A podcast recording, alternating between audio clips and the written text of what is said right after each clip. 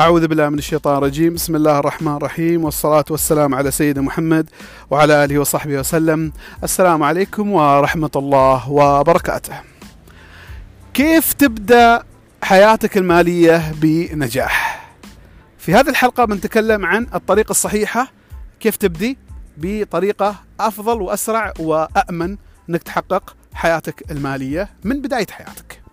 اسمي راشد العمري مدرب ومستشار للنجاح في الحياة. اللي ما سمع عني أو أول مرة تسمع الحلقة آه تقدر حاب تعرف منو أنا آه تقدر تدخل على جوجل اكتب المدرب راشد العمري السيرة الذاتية وبتظهر لك السيرة اللي واقرأ عنها اقرأ اقرأ اللي تبيه يعني. اقرأ اللي بيظهر لك منها. آه، أساعد الآخرين إنهم يحققوا حياتهم كيف يضعوا أهدافهم كيف يمشي في حياتهم كيف كيف يعني كيف يحقق أحلامهم. زين. الجه... الجانب الآخر إني أنا أساعد الآخرين كيف يضبطوا ماليتهم الشخصية وحلقة اليوم من ضمن هذه الأشياء اللي أنا أقدمها. آه المالية الشخصية إذا كان أنت عندك مشاكل مادية ما عارف كيف تتصرف دخلك متخربط ممكن تلجأ لي وأنا أساعدك فيه. أو الجانب الآخر اللي هو تطوير الأعمال التجارية أنا كذلك أعطي استشارات في هذا المجال. إذا كان عندك تجارة ومتلخبطه ما عارف كيف تنجحها ممكن أنا أساعدك إنك آه، كيف تطور هذا العمل نعرف الخلل ونصلحه أو إذا كان تجارتك ناجحة بس تبي توسع وتكبر وما عارف وخايف آه، ممكن أساعدك إنك أنت تعمل خطة لتكبير هذه تجارتك. ندخل على الحلقة. كيف تبدأ حياتك المالية بطريقة صحيحة؟ بالنسبة إحنا لما نبدأ في حياتنا المالية للأسف الشديد ما في حد يعلمنا كيف نحن نصرف فلوسنا. يعني أنا أول ما احصل دخل أول ما احصل راتب شهري آه، أو تجارة بس أغلب شيء أغلب اللي بادين في حياتهم يكون دخل شهري اللي هو راتب. بالمناسبة هذه الحلقة حق الناس اللي توهم بادين في حياتهم المادية. أما الناس اللي مشوا حياتهم وصار عندهم لخبطة وما عارفين يتصرفوا هذه بعمل لها حلقة ثانية إن شاء الله. لكن ما يمنع إنك تسمع آه هذه الحلقة بعد. فهذه الحلقة موجهة للصغار. اللي توهم بادين في حياتهم. وإذا أنت تسمع هذه الحلقة وأنت كبير أو إنك خلاص دخلت في الحياة المادية وتعلمت أو عندك شوية أمور صعبة آه، اسمع الحلقة وعلمها للآخرين سواء عيالك أو الناس اللي حولك يعني. ثقف فيها على الأقل. بتعرف أخطائك كيف بديت. زين طيب. عادة الواحد لما يبدأ في حياته المادية مثل ما قلت يعني أول ما يصير عنده دخل شهري نادر جدا حد يعلمنا كيف إحنا نتعامل مع هالفلوس لا عن طريق المدارس ولا الجامعات ولا الأهل ولا الأقارب ولا المجتمع. في العادة يعلمونا كيف نصلي كيف نتوضأ يعني أشياء دينية جزاهم الله خير ما قصروا. يعني الجانب الديني جزاهم الله خير علمونا من صغرنا واهتموا بهذا الجانب. شكرا لكم. شكرا شكرا شكرا. الجانب الآخر المادي ما حد علمنا إياه. يمكن بعض النصائح وهو بعض النصائح ترى على فكرة تدمر. يعني شو اسمه بعض الحكم يعلموها بعض الأهل تحد من من التصرف وتخلينا نتصرف بطريقة غلط. على العموم لما إحنا نبدأ حياتنا وما عارفين كيف نتصرف زين هذا الشيء يخلينا نتصرف بطريقة آه خلينا نقول عشوائية. وكيف الواحد تو بادئ بحياته يتصرف؟ عادة ينظر إلى الآخرين من حوله. سواء اهله كيف بدوا أو الناس اللي من نفس أعماره يشوفهم إيش سووا يسوي. يعني على العامة للأسف الشديد فتحصل تيار تيار توجه عام في المجتمع مثل الموجة. إيش أغلب الشباب في مدينتك سووا أنت راح تسوي؟ إيش أغلب الشباب في في دولتك سووا أنت راح تسوي؟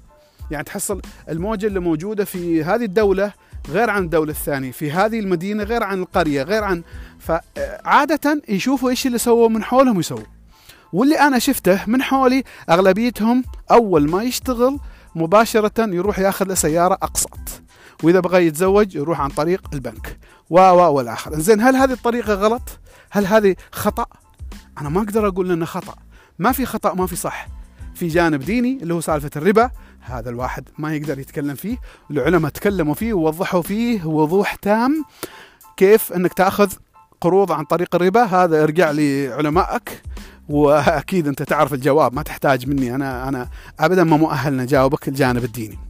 لكن خلينا نتكلم عن الجانب الرقمي المحاسبي الأرقام لما أمسك الورقة والقلم واسجل الأرقام مع الآلة الحاسبه اي أنا أجي أعلمك أقول لك هذا صح هذا غلط أو هذا يعني هذا يضرك وهذا يعني يفيدك فأغلبية الشباب للأسف الشديد إنه يروح للأقساط بغى سيارة راح طق له سيارة أقساط علشان إيش؟ هو ما يقدر ياخذ سيارة قديمة ليش؟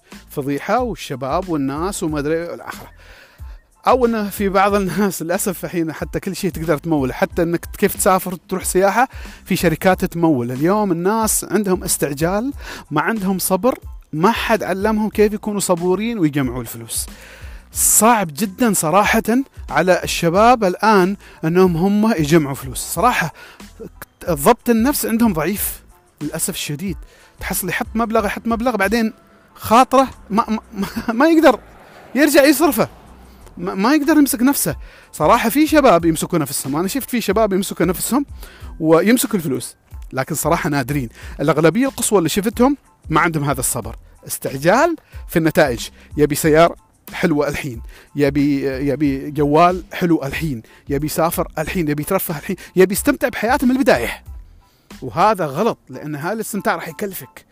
تدخل في ديون راح تتعب وايد تتعب. وعلى فكرة في بعض الديون توديك إلى حتى السجن لا سمح الله. في ب... الآن في بعض الجهات يطلبوا منك شيكات. تدفع شيك تكتب شيكات مقابل المبالغ مثل شركات تمويل. البنوك لا لكن شركات تمويل. لكن حتى البنك يقدر يشتكي عليك ويسجنك إذا ما ما دفعت لا سمح الله. ليش؟ ظروف يا أخي. يعني في شباب شغالين في شركات خدمات نفط. زين وسكرت هذه خاصة على الموجة هذه اللي صارت عندنا صار خسائر هذه الشركة سكرت. سكرت نهائي. وما في رواتب. ما في رواتب. أنت عاد روح ارفع قضايا على الشركة هذه وانتظر سنين لما تحصل حقك لأن الشركة خلاص أعلنت افلاسها ما عندها رواتب. زين لكنك أنت شيكاتك راح تمشي. الشيك الأول الثاني الثالث إذا رجع سيده شركة تمويل تحول إلى إلى الشرطة الشرطة تحول الادعاء العام الادعاء العام على طول إلى القاضي والقاضي يصلخك. ليش؟ لأن لأن الشيكات إذا يرجعن معناته هذه يسموها يعني مثل ما تقول سوء إنك أنت كأنك نصبت على الشركة ان قلت إن في فلوس في هذا التاريخ وما في. فتعتبر جريمة عندنا في سلطنة عمان. ما أعرف عن دول ثانية لكن في سلطنة عمان تعتبر جريمة يعاقب عليها القانون. فلذلك القاضي راح يحكم عليك آه، يحكم عليك سجن من ثلاث سنوات من ثلاث شهور إلى سنتين. أقص أقل حاجة ثلاثة اشهر وأعلى حاجة سنتين. آه، في حالة إنك أنت أعطيت شيكات وارتد من البنك. انتبه موضوع خطير ترى. أنا ما أقول انه يعني انه يعني ما تسوي راجع لك. لكن الشباب الصغار ما يعرفوا هذا الشيء. يحسب إنه روح يعني أبسط حاجة تروح للبنك. أعطيني شيكات. ثلاث أيام أربع أيام يطبعوا لك إياها. تفضل حبيبي ببلاش. البنك حتى ما ياخذ عليك فلوس أو يمكن ياخذ عليك رسوم ريال ولا ريالين يعني مبالغ بسيطة جدا. البنك يطلع لك الشيكات ثلاث أربع شهور يعطيك كم دفتر كم تبغي. والله أعطيني 60 آه، شيك. وشركة تمويل اعطينا الشيكات هات أربع خمس رسائل من الشركة ولا أقل يمكن رسالتين ثلاث. خلال كم يوم المختصر تبدأ إجراءاتك خلال أسبوع أنت مشتري السيارة اللي تبيها وتستمتع بها عند ربعك وسيارة يعني موديل متقدم إذا كانت مملوكة له ولا موديل متقدم زين وعاد تتفشخر بها. موضوع بسيط. أنت تحصل عليه بسيط لكن إذا غلطت وصار لا سمح الله ظروف حياتك وما استطعت إنك تدفع تراك. أنت حطيت نفسك في خطر. هذه أول خ... أول نقطة أو أول سلبية في هذا الشيء. غير عن كذي أسوأ حاجة صراحة أسوأ حاجة أنك تشتغل في شركة سيئة جدا ويعاملك معاملة سيئة وما قادر تطلع بسبة الأقساط اللي عليك. يعني تخيل انت عليك اقساط للسيارة اقساط للبنك بغض النظر إيش سويت فيها سواء زوجت بهم ولا لعبت بهم راجع لك. لكن تخيل أنا اتكلم عن المخاطرة أو الضغط اللي انت تعرض نفسك ليه اذا انت دخلت في ديون. يعني اللي هي الاقساط سواء عن طريق شركة تمويل أو بنك. بتحصل نفسك انك ما قادر ابدا تترك هذه الوظيفة. بيدوسوك وبيهينوك وبعدك ما تقدر تطلع. ليش ما تقدر تطلع وتروح مكان ثاني؟ إذا حصلت مكان ثاني الحمد لله. لكن فرضا إنك أنت ما يعني مظلوم ظلم شديد. أنا ما أقول كل الشركات أو كل الجهات تظلم لكن فرضا ووايد يصير. فرضا إن ظلمت ظلم شديد وعندك أنت يعني الإدارة أو في حد في الإدارة ناس سيئين جدا وقاعدين يضروك وأنت قاعد تحترق وتبي تطلع. يعني قاعدين يعني فعلا فعلا في ظلم شديد عليك. ولكن أنت ما حصلت وظيفة ثانية في هذا الوقت. إيش بتسوي؟ تطلع؟ راح تواجه المساءلات القانونية لأنك ما دفعت للبنك أو ما دفعت شو اسمه لشركة تمويل عن الشيكات. لكن بتحصل عمرك مضطر غصبا عنك إنك تداوم وتحرق نفسك وتحصل الظلم الشديد وممكن تنفجر وتسوي مشكلة في العمل ويطردوك قانونيا. يا سلام. إذا طردوك قانونيا يعني أنت من غير قصد أعطيتهم سبب قانوني إنهم يطردوك. إذا طردوك هي نفس الحكاية كأنك استقلت. ما في فرق. سواء هم طردوك ولا أنت استقلت في كل الاحوال توقف الدخل وصار عندك أنت مشكلة مادية ودخلت في متاهات وممكن توصل للسجن لا سمح الله إذا ما لحقت بسرعة تروح بوظيفة ثانية. عرفت إيش المخاطرة القانونية أو المخاطرة الحقيقية في هذا الجانب. لكن نفترض إنه ما في هذه إن شاء الله ما يصير. إيش اللي يصير؟ يصير إنك أنت تأخذ كل شيء ما يعني عن طريق التمويل التمويل يا حبيبي ما يعطيك شيء ببلاش البنك يبي فلوس يبي أرباح منك. شركة تمويل تبي تتربح من وراك. فلذلك السيارة اللي أنت ماخذنها بهذا المبلغ في الحقيقة المبلغ اللي موجود راح ترجعه أكبر. فلذلك أنت بديت واشتريت أشياء أغلى عن الطبيعي. فأنت عندك خسارة. يعني لو نسوي مشروع ربح وخسارة أنت دخلت على خسارة. إذا السيارة قيمتها كذا راح ينضاف لها في قيمتها 30% تقريبا من 30 ل 40% راح ينضاف سعرها في القرض اللي انت خذيته. يعني مثلا إحنا عندنا بنوك إسلامية آه، في واحد كان يبي يشتري كم؟ يبي يشتري بيت تقريبا 70% 70% راح ضافوا عليه. ليش؟ لأن هذا قرض إسلامي يتوافق مع الشريعة الإسلامية. إذا تبي أنت تبتعد عن الربا راح نصلخك 70 80% من قيمة القرض يعني البيت اللي مشترينه زيد عليه 70 80 يعني كانك دبل تقريبا خذيته. إذا إذا قيمته 100 ألف ريال أنت راح تأخذه ب 180 ألف عندهم. يا حبيبي يعني أنت كأنك اشتريت بيت بسعر بيتين. علشان انك مستعجل تبي الآن ما تبي بعدين. شفت كيف؟ فإذا من ناحية القانون يا الله الله ترى الحين عاد الشاطئ عاد الله يعين. تحملوا معانا أصوات السيارات الحلوة هذه اللي تمر. إنزين؟ آه فأنت الشق القانوني وضحت لك إياه عندك الشق المادي اللي هي المحاسبي. إنك أنت لما تأخذ أقساط أنت تأخذ أشياء اغلى بكثير لو أنا ماخذنها نقدا. تمام؟ فلذلك النقطة الأولى أنك أنت تعرض نفسك للخطر والضغط عشان الأقساط قانونيا وماديا. ما تقدر تغير وظيفتك لكن تخيل لو أنت ما عندك شيء ما عندك أقساط ولعنت منهم هذول والله إنك أنت تتوقع الاستقالة وتطلع وأنت مرتاح. مرتاح لأبعد الحدود لأنك أنت ما عندك شيء تدفعه شهريا. مرتاح. بتدور لك وظيفة ثانية. أنا ما أشجع إن الناس يستقيلوا وقبل لا يمسكوا مكان ثاني. أوعى لا تسوي هالحركة. ما تستقيل إلا من تحصل مكان ثاني أفضل. أو على الأقل أقل مشاكل وتروح فيه. لكن فرضا لا سمح الله وصلت حدك النهائي إنك أنت ما تقدر تستمر معاه خلاص منذبح على الأقل يا أخي عندك باور القوة في يدك. إنك تقدر تطلع وما خايف من أقساط. بتطلع وأنت مرتاح. حلو؟ واضحة هذه النقطة. زين يا حبيبي إيش الصح؟ الصح إنك أنت لابد تتجرع الصبر. مر الصبر مر. نعم مر. إنك أنت تمشي برجلك تحت الشمس معاي ساعات أو تمشي من بيتكم مثلا أو كل مرة وديني فلان أو تركب تكاسي أو مواصلات لما راح راد في الشغل هذا يتعبك صح؟ لكنك توفر. فأنت تصبر على على هذه الأمور ولكن في المقابل إنك أنت قاعد تجمع فلوس عشان تشتري سيارة. زين السيارة اللي بتشتريها هل بتشتريها مثل الشباب الثانيين اللي ماخذين أقساط؟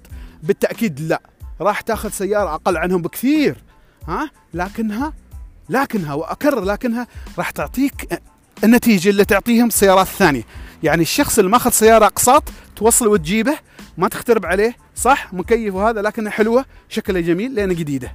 زين لكنك أنت بتاخذ سيارة قديمة مستعمله لكن نقدا. ما تدفع أقساط شهرية. بتاخذها مرة واحدة ويمكن إذا أنت شاطر تعرف تسوق زين تتعلم شوية انك أنت تحافظ عليها راح تأديك نفس الأداء. يعني إيش؟ هي وسيلة مواصلات توديك من ألف إلى باء. فكنتيجه راح تعطيك نتيجة صراحة. لكن رفاهية يمكن ما تحصل نفس الرفاهية. اذا أنت هني تصبر أنك أنت ما تحصل رفاهية. وليش مستعجل؟ أنت تتعب الآن تحرم نفسك شوي من هذه الأشياء ترتاح بعدين. لأنك أنت تبدأ حياتك فريش تبدأ حياتك من غير ديون. تمشي وتبني حياتك بطريقة صحيحة. تبي تتزوج؟ يا أخي جمعيات وايد جمعية تعاونية. هذه الجمعية يجتمعون مجموعة من الناس كل يدفعوا أقساط شهرية وكل شهر يستلم حد. طبعا لا تروح تأخذ جمعيات ما معروفة. خذ جمعية حق ناس معروفين يعني خاصة الأهل. ابتعد عن الجمعيات اللي اللي, اللي ما تعرفهم خطير. يأكلوا لك فلوسك وبعدين روح انت اركض في المحاكم ما في فايدة. جمع فلوس أو ادخل جمعية وهذا أفضل الطرق. تبني بيت عاد الله يعينك. أنا أفضل إنك تبني بيت بعدين وقت متأخر من حياتك خاص يعتمد على دخلك. إذا أنت متخرج من الجامعة وراتبك قوي من البداية عاد موضوع ثاني الموضوع بيكون سريع ممكن تتزوج وزوجتك تشتغل إيد على إيد تبنوا حياتكم. لكن النصيحة بضطر إني أنا أخلص الحلقة عشان ما تكون طويلة ومملة. زين أي واحد بادي حياته الآن المادية تبداها بالطريقة الصحيحة أبتعد عن شيء اسمه ديون. أبتعد عن شيء اسمه ديون نهائيا. هذه من تجربة شخصية. آه، إحنا كلنا غلطنا هذا الغلط. للأسف الشديد. بدينا بديون وأتعبتنا وأثقلتنا ودخلتنا في متاهات ما لها داعي وتعبنا وايد من كبرنا. لكن الحمد لله تعلمنا وهذا الشيء نحن نوصله لكم. ثانيا دخلك الشهري لا تخلي أي قسط يأكله. كن حريص على فلوسك لا تكون بخيل. كن حريص على فلوسك. ما تقعد تسلف ربعك هني وهناك هني وهناك. مو بنك انت. انت إذا فتحت مجال التسليف لربعك آه، صدقني ما بيبقى شيء من فلوسك.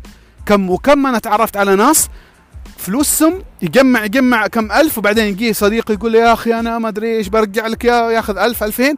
بوع ما حصل شيء لا أنت عندك هدف معين. تضع أهداف مادية. أنا أول حاجة أريد أخذ لي رخصة قيادة كم تكلف كذا مية حط المبلغ وارصده وسويه وجمع له. أنا أريد أشتري سيارة مثلا ب ريال عماني عاد كل واحد يشوف آه، شو اسمه. حلو. إذا خليت سيارة ب تمشي الحال؟ أيوه. زين أنا كم بحتاج؟ أمسك الورقة والقلم وجمع. ما تترفه إلا من إيش؟ أول ما تجمع الألف تشتري السيارة. تتعب؟ نعم. آه، فيها ضغط؟ نعم. تأخذ السيارة بعدين ترتاح. إيش الهدف الثاني؟ الهدف الثاني والله مثلا أنا أبي أتزوج. زين كم الزواج؟ هذا المبلغ. صراحة الزواج شوية مكلف فلذلك بتتأخر وايد. أنا أنصح إنك تدخل جمعية. أبذل جهدك إنك تدخل جمعية. ما بعطي نصائح في هذه الحلقة إنك تدخل استثمارات مادية لأنه موضوع شوي صعب. لكن في حلقة ثانية أنا بعلم كيف أنت تبدأ من صفر وتسوي لك دخل إضافي جانبي في حلقة أخرى إن شاء الله. فاللي حاب انه يجمع مبالغ ويدورها بعد زين. لكن هذا مو موضوع حلقة اليوم. إذا نصيحتي لك أنك ابتعد عن الديون لا تستعجل كن صبور في البداية وابني حياتك حبة حبة يا حبيبي على قولهم baby steps خطوات الأطفال. الأطفال أول شيء كان على ظهره بدأ ينقلب بعدين بدأ يجلس بعدين بدأ يحبي بعدين بدأ يمشي بعد يمشي ويتمسك ويطيح بعدين بدأ يمشي بعدين بدأ يركض بعدين بدأ يلعب في الحديقة ويتشقلب وهذا وصل عاد. فأمشي على خطوات بسيطة لا تستعجل يا عزيزي. إذا أنت صبرت في البداية أوعدك أن حياتك المادية بتكون جميلة جدا. ابتعد عن القروض لا تقرر لا تعطي حد فلوس. لا تخلي حد يعرف كم عندك في البنك حتى اقرب أقرب المقربين لك لازم ما يعرف كم عندك في البنك. خلي البنك مثل حصالة ترمي مبالغ ترمي.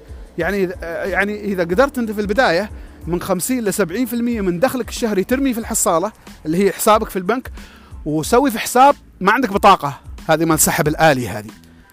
حساب آخر. يعني الحساب اللي ينزل في راتبك مو هو اللي تحط فيه تجمع حساب آخر. افتح فرع ثاني أو بنك آخر. المهم إن المبالغ اللي تحطها ما في مخلوق بقدر الإمكان ما في مخلوق يعرف كم فيه المبلغ عشان ما حد يجي وعطيني وعطيني وعطيني آه، أستاذ راشد نكون بخيل والله يا عزيزي لا أنت مو بحاتم الطائي وحاتم الطائي بعد شو اسمه فلس. يا حبيبي أنت كل ما قويت ماديا ها؟ استطعت إنك تساعد بس عفوا المساعدة في الوقت المناسب. ما ممكن أنا أساعد وأنا محتاج مساعدة. كيف أنا أساعد الآخرين في حياتهم؟ وأنا أحتاج حد يساعدني. هذا يعني فهمني. فهمني. أنا والله يعني الفلوس الفلوس اللي أعطيتها هني وهناك يعني والله أنا ما اتحسف على المساعدات يا أخي. المساعدات حلوة لكن في مساعدات في وقت غلط. إنك أنت بنفسك تحتاج إنك في حي... في شيء ناقص في حياتك. يعني أنا ما عندي آكل أشيل أكلي واعطيه الآخرين؟ ما يصير على العموم نوصل إلى نقطة إنه شو اسمه؟